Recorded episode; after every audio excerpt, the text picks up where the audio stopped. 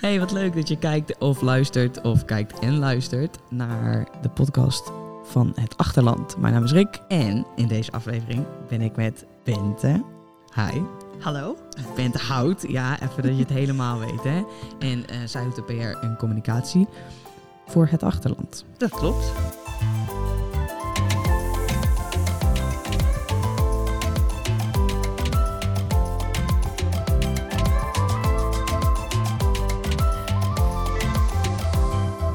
Ja, ik ben eigenlijk wel benieuwd.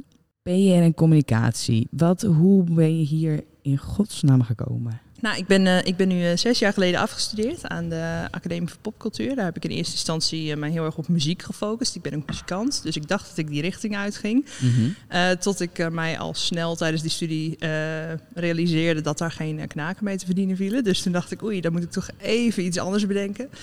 En uh, ik hield ook altijd heel erg van schrijven en uh, praten. En uh, toen dacht ik, ja, wat kan ik daar eens mee?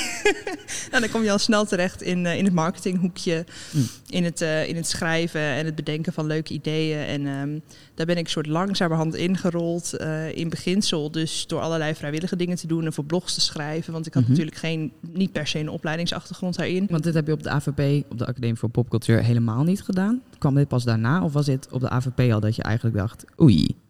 Nee, ik, ik, was daar wel in mijn hoofd al mee bezig op de AFP. Maar het is natuurlijk geen opleiding die zich daarop uh, focust. Nee. nee. dus ik heb uh, op de AVP wel vrijwillig geschreven voor muziekblogs, zoals 3 voor 12. Um, maar verder ben ik uh, ja, niet zozeer in aanraking gekomen met marketing of communicatie. Ja. Dus dat ben ik echt gaandeweg gaan leren door vrijwilligersfuncties en van die werkervaringsplekken. En nou ja, dat groeit dan uiteindelijk gewoon door tot daadwerkelijk professionele functies zoals deze. Maar merk je dan ook dat omdat je er zeg maar geen opleiding in gedaan hebt, dat, dat je dan ook dingen mist of zo? Of dat het, dat het anders is dan mensen die wel zeg maar marketing, communicatie opgeleid zijn?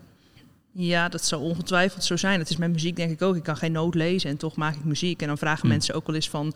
mis je dan iets als je die theorie niet beheerst? Ja. ja, geen idee, want ik heb nog nooit die theorie beheerst. Dus ik weet niet wat ik mis. Maar um, ik denk dat uh, alle ervaring die ik opgedaan heb... dat die, dat, dat praktijkervaring is. Dat vind ik heel waardevolle manier van leren. En ik heb ongetwijfeld had ik ook had ik misschien bepaalde dingen sneller gekund als ik daar een theoretische achtergrond in had. Maar ik denk niet dat het onder de streep uh, maakt of breekt wat je doet. Ja, waar begon het dan voor jou echt? Want je zegt dan dat je inderdaad um, werkervaring op hebt gedaan. En maar waar, waar dacht je echt, oh, dit is wel iets, um, dit doet iets? Um, ik denk dat het eigenlijk tijdens mijn eerste echte grote, veel te grote project was. Ik werd daar uh, door iemand voor gevraagd. Um, die, uh, nou, die had mij wel zien schrijven en die dacht, oh, die kan leuk schrijven, die kan ook leuk praten. Dus dan kan ze waarschijnlijk wel een marketingfunctie invullen. Uiteraard. En toen, uh, ja, toen ben ik tijdens de culturele hoofdstad op een project gezet als uitvoerend marketeer voor de eerste keer. En dat was echt een gigantisch project in het hoofdprogramma van de culturele hoofdstad. En dat ging volledig mijn bed te boven. Maar daar heb ik dus juist door op die manier door eigenlijk iets aan te grijpen wat eigenlijk veel te veel was, ja. heb ik ook binnen die periode echt, nou, ik denk een opleiding van vier jaar zeg maar aan ervaring uh, gevolgd. Dus um, ja, dat was wel de eerste keer dat ik dacht, oh, ik, ik, ik word hier doodsbang van, want ik heb geen idee wat ik doe. Maar Natuurlijk. blijkbaar wat ik doe, dat, dat komt best wel goed. Ja. Dus um, ja, toen, ik denk dat dat wel het moment was dat ik dacht, oh, dit wil ik op zich wel blijven doen. En dan ben ik altijd benieuwd, want je hebt dan altijd zo, tenminste, dat is, dat is gewoon vaak, dat je dan ergens aan begint en dan op een gegeven moment merk je een soort van weerstand of dat je denkt, oeh, uh, ja, ik ben hier nou wel aan begonnen, maar I don't know. Is,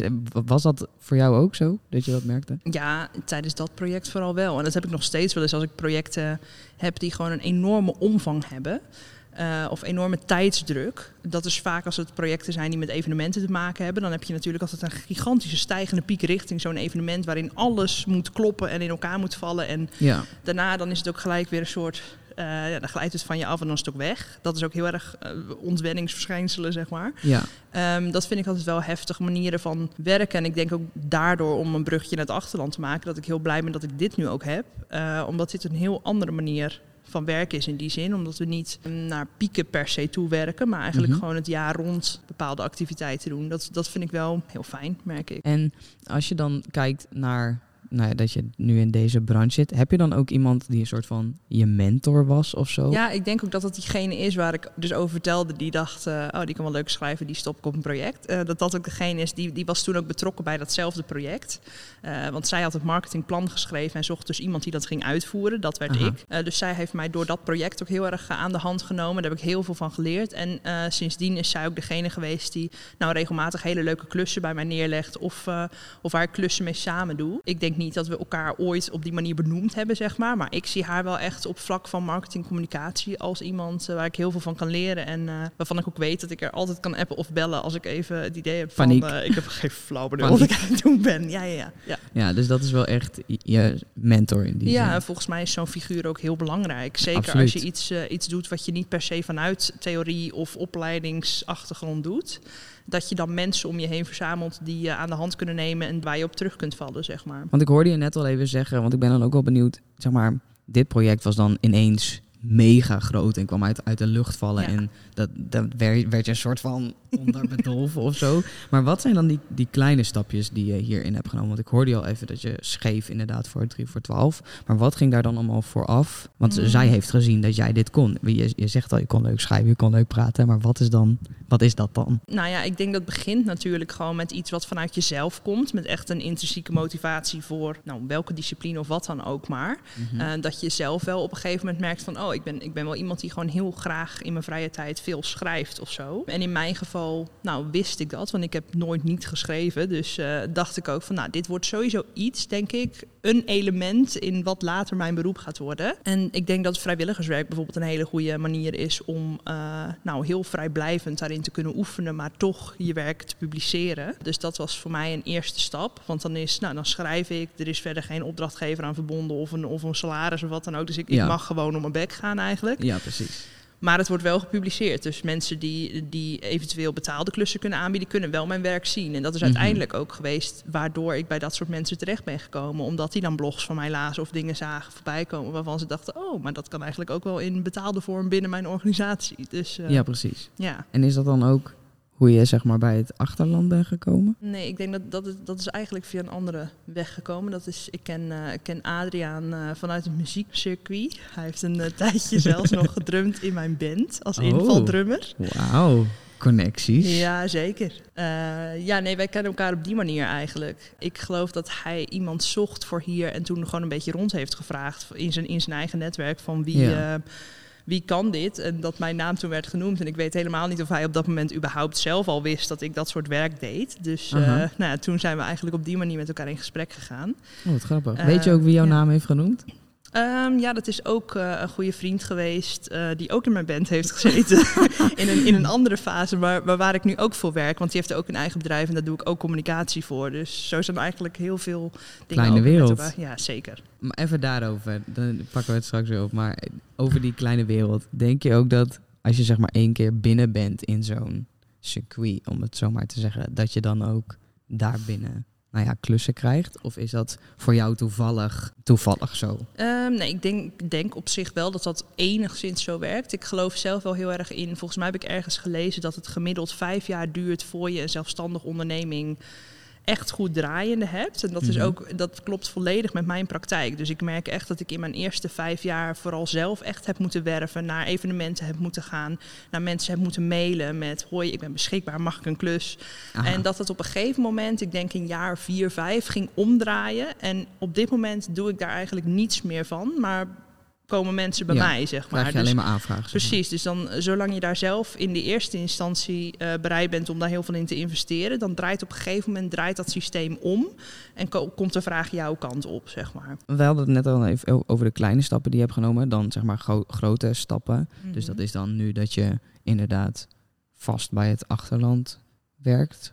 Ehm, en andere projecten daarnaast doet. kun, mhm. kun, je daar iets over vertellen? Dingen die je doet en iets meer over wat je dan ook bij het achterland doet? Ja, nou bij het achterland ehm, ben ik dus verantwoordelijk voor de communicatie en PR. En ehm, dat doe ik nu bijna een jaar alweer. Mm En ehm, eh, dat doe ik dus twee dagen per week. En dat is inderdaad echt een, nou alsnog doe ik dat als ZZP'er, maar dat is een vrij vast, op een vaste basis, zeg maar. Ehm, daarnaast werk ik ook vast op diezelfde manier een dag per week al een aantal jaar bij de Popfabriek. Dat is een uh, cultureel productiehuis in uh, Leeuwarden. Mhm. En daar doe ik marketing, maar, maar ook projectleiding voor internationale projecten. Dus ik heb eigenlijk drie dagen per week, zeg maar, nu vast bij organisaties. En de maar wel als ZZP'er? Wel als ZZP'er, maar dat zijn dan inderdaad overeenkomsten die je gewoon voor een langere tijd tekent. Precies. En de, de dagen daarnaast, dat zijn in, in praktijk eigenlijk vaak alsnog drie, vier dagen daarnaast, um, werk ik dus voor uh, opdrachtgevers die mij hele korte opdrachten geven. Dus van maximaal bijvoorbeeld drie maanden. Ah, Zoals uh, op dit moment Oerol, uh, die mhm. mij dan voor drie maanden invliegt om de perscoördinatie te doen. Dus dat, dat roleert eigenlijk doorlopend. Wat is dan een van de tofste projecten die je hebt gedaan? Oerol natuurlijk, want het is Oerol. ja, dat is, gewoon, dat is echt wel een, een heel cool project. Ja, ik kijk met heel veel plezier terug op achtste dag. Dat is dus het project waar ik het over had uh, tijdens de culturele hoofdstad. Wat echt gigantisch groot was en waar ik ongeveer daarna een jaar voor moest bijkomen. Maar wat wel echt mij heel veel ervaring heeft opgeleverd. En een heel leuk, heel veel ook heeft gedaan voor mijn netwerk.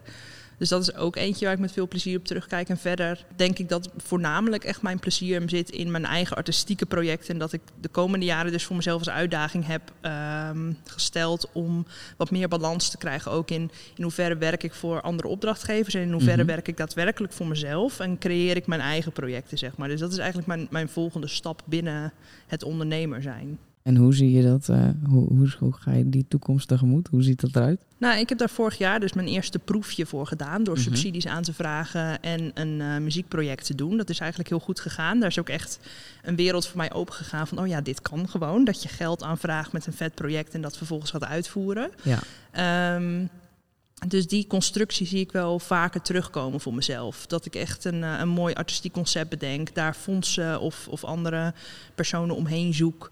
Eh, die mhm. dat kunnen financieren en vervolgens daar een jaar aan gaan werken bijvoorbeeld. En dat ik daar de helft van mijn week ook echt voor reserveer. Ik ben ook nog wel benieuwd, waarom eigenlijk het achterland? Want je wordt dan gevraagd, zeg maar je naam wordt genoemd, je wordt dan gevraagd. Nou ja, op dat moment, ik weet niet mm. of je werk zocht of niet. Maar waarom heb je hier ja op gezegd? En mm. waarom blijf je nu al een jaar? ja, nou ja, en, en waarom ik er in eerste instantie ja op zei, is omdat ik op dat moment Ehm, nee, ik was niet zozeer heel erg op zoek naar werk, maar ik was wel al langere tijd aan het nadenken over dat ik wel na vijf, zes jaar er klaar mee was om werkelijk iedere twee maanden te wisselen van opdrachtgever. en ook telkens te moeten zoeken en dat hele proces opnieuw te moeten beginnen. Dus ik had heel erg behoefte aan een, tenminste één partij die mij gewoon een langere tijd aan boord wilde nemen. En wat dus ook gewoon wat rust in mijn werkweek zou creëren, zeg maar. En op het moment dat ik daar zelf eigenlijk heel erg op aan het broeden was, van hoe kan ik dat vormgeven, kwam Adriaan aan mijn deur te kloppen. En toen dacht ik, hé, hey, 1 plus 1 is 2. En waarom ik hier gebleven ben, dat is omdat ik, uh, omdat ik het heel leuk vind dat dit een heel jong bedrijf is, waar nog heel veel in bedacht mag worden, zeg maar. En, en ik daar ook heel veel ruimte in krijg. Dus dat het niet zo is van, nou Bente, hier is je taak, voer dit maar uit. Maar dat het ook eigenlijk van begin af aan heel duidelijk is dat mijn, mijn uh, input ook welkom is. En dat vind ik een hele leuke manier om te werken. Als ik het gevoel heb van, nou, ik, ik, ik werk niet gewoon een lijst af, maar ik mag ook ideeën inbrengen. Plus dat ik het zelf ook heel leuk vind dat ik me binnen het achterland weer met een heel andere doelgroep mag bezighouden voor de verfrissing. Want ik, ik hou me eigenlijk alleen maar bezig met cultuur en volwassenen in de cultuur. Ja. En hier, uh, nou, het achterland ligt, richt zich natuurlijk op jongeren en op kinderen. Daar heb ik zelf nog geen ervaring mee. Dus dat is ook weer een stukje nieuwigheid die ik heel uh, leuk vond tussen alle andere dingen door. Dus dat is eigenlijk ja, samenkomst van dingen waardoor ik het gewoon heel erg naar mijn zin heb. Ja. En als jij aan iemand anders moet uitleggen wat het achterland is? Volgens mij dat zeg ik ervoor. Eh, het Achterland is een, uh, is een cultuurlab voor uh, kinderen en jongeren. Eigenlijk een, een leuke speeltuin en ontdekplek waar je kunt experimenteren met verschillende disciplines. en kunt leren om jouw verhaal te vertellen. Op wat voor manier dan ook. Of dat nou op het podium is of ernaast. Mhm. Met een pen in je hand of met een microfoon.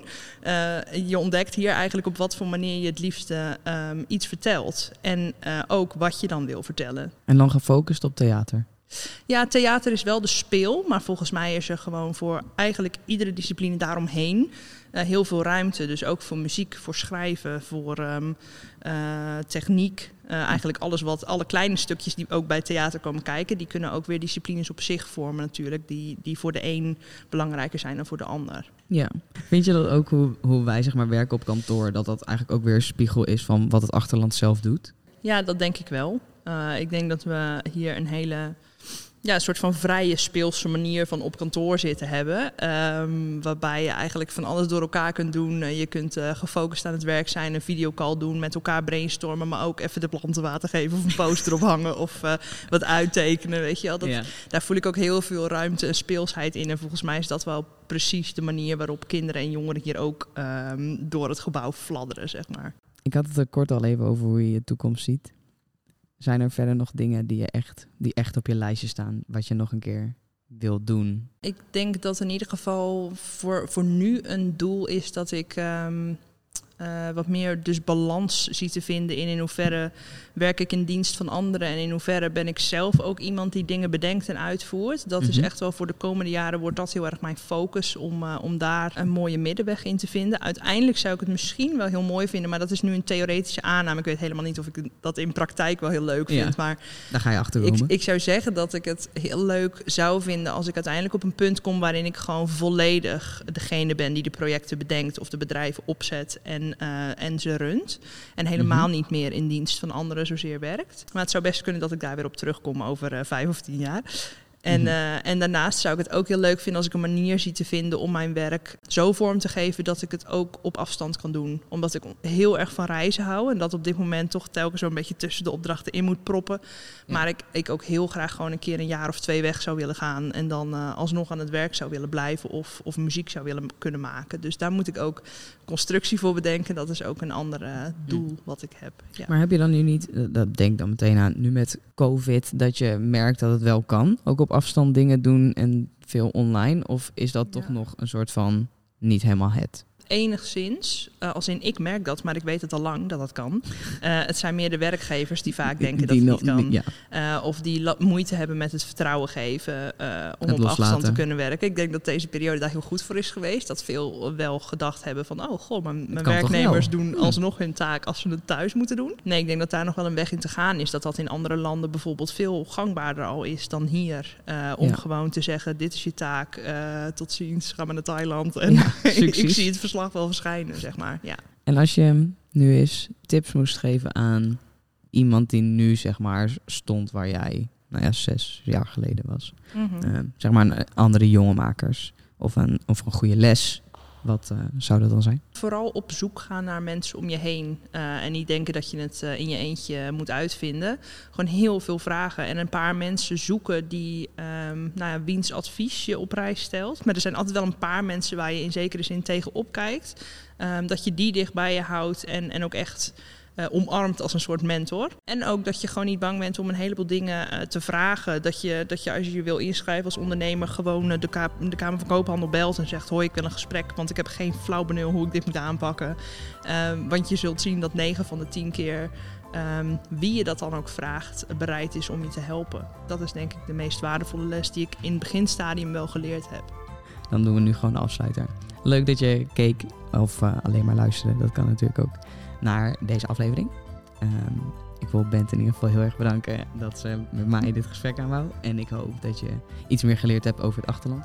En natuurlijk meer over Bente, onze PR en communicatie genius. Um, nou ja, en uh, tot de volgende. Ben jij creatief en gek op theater? Kom dan naar het Achterland, het cultuurlab voor jong talent in Friesland. Meld je nu aan op het achterland.nl.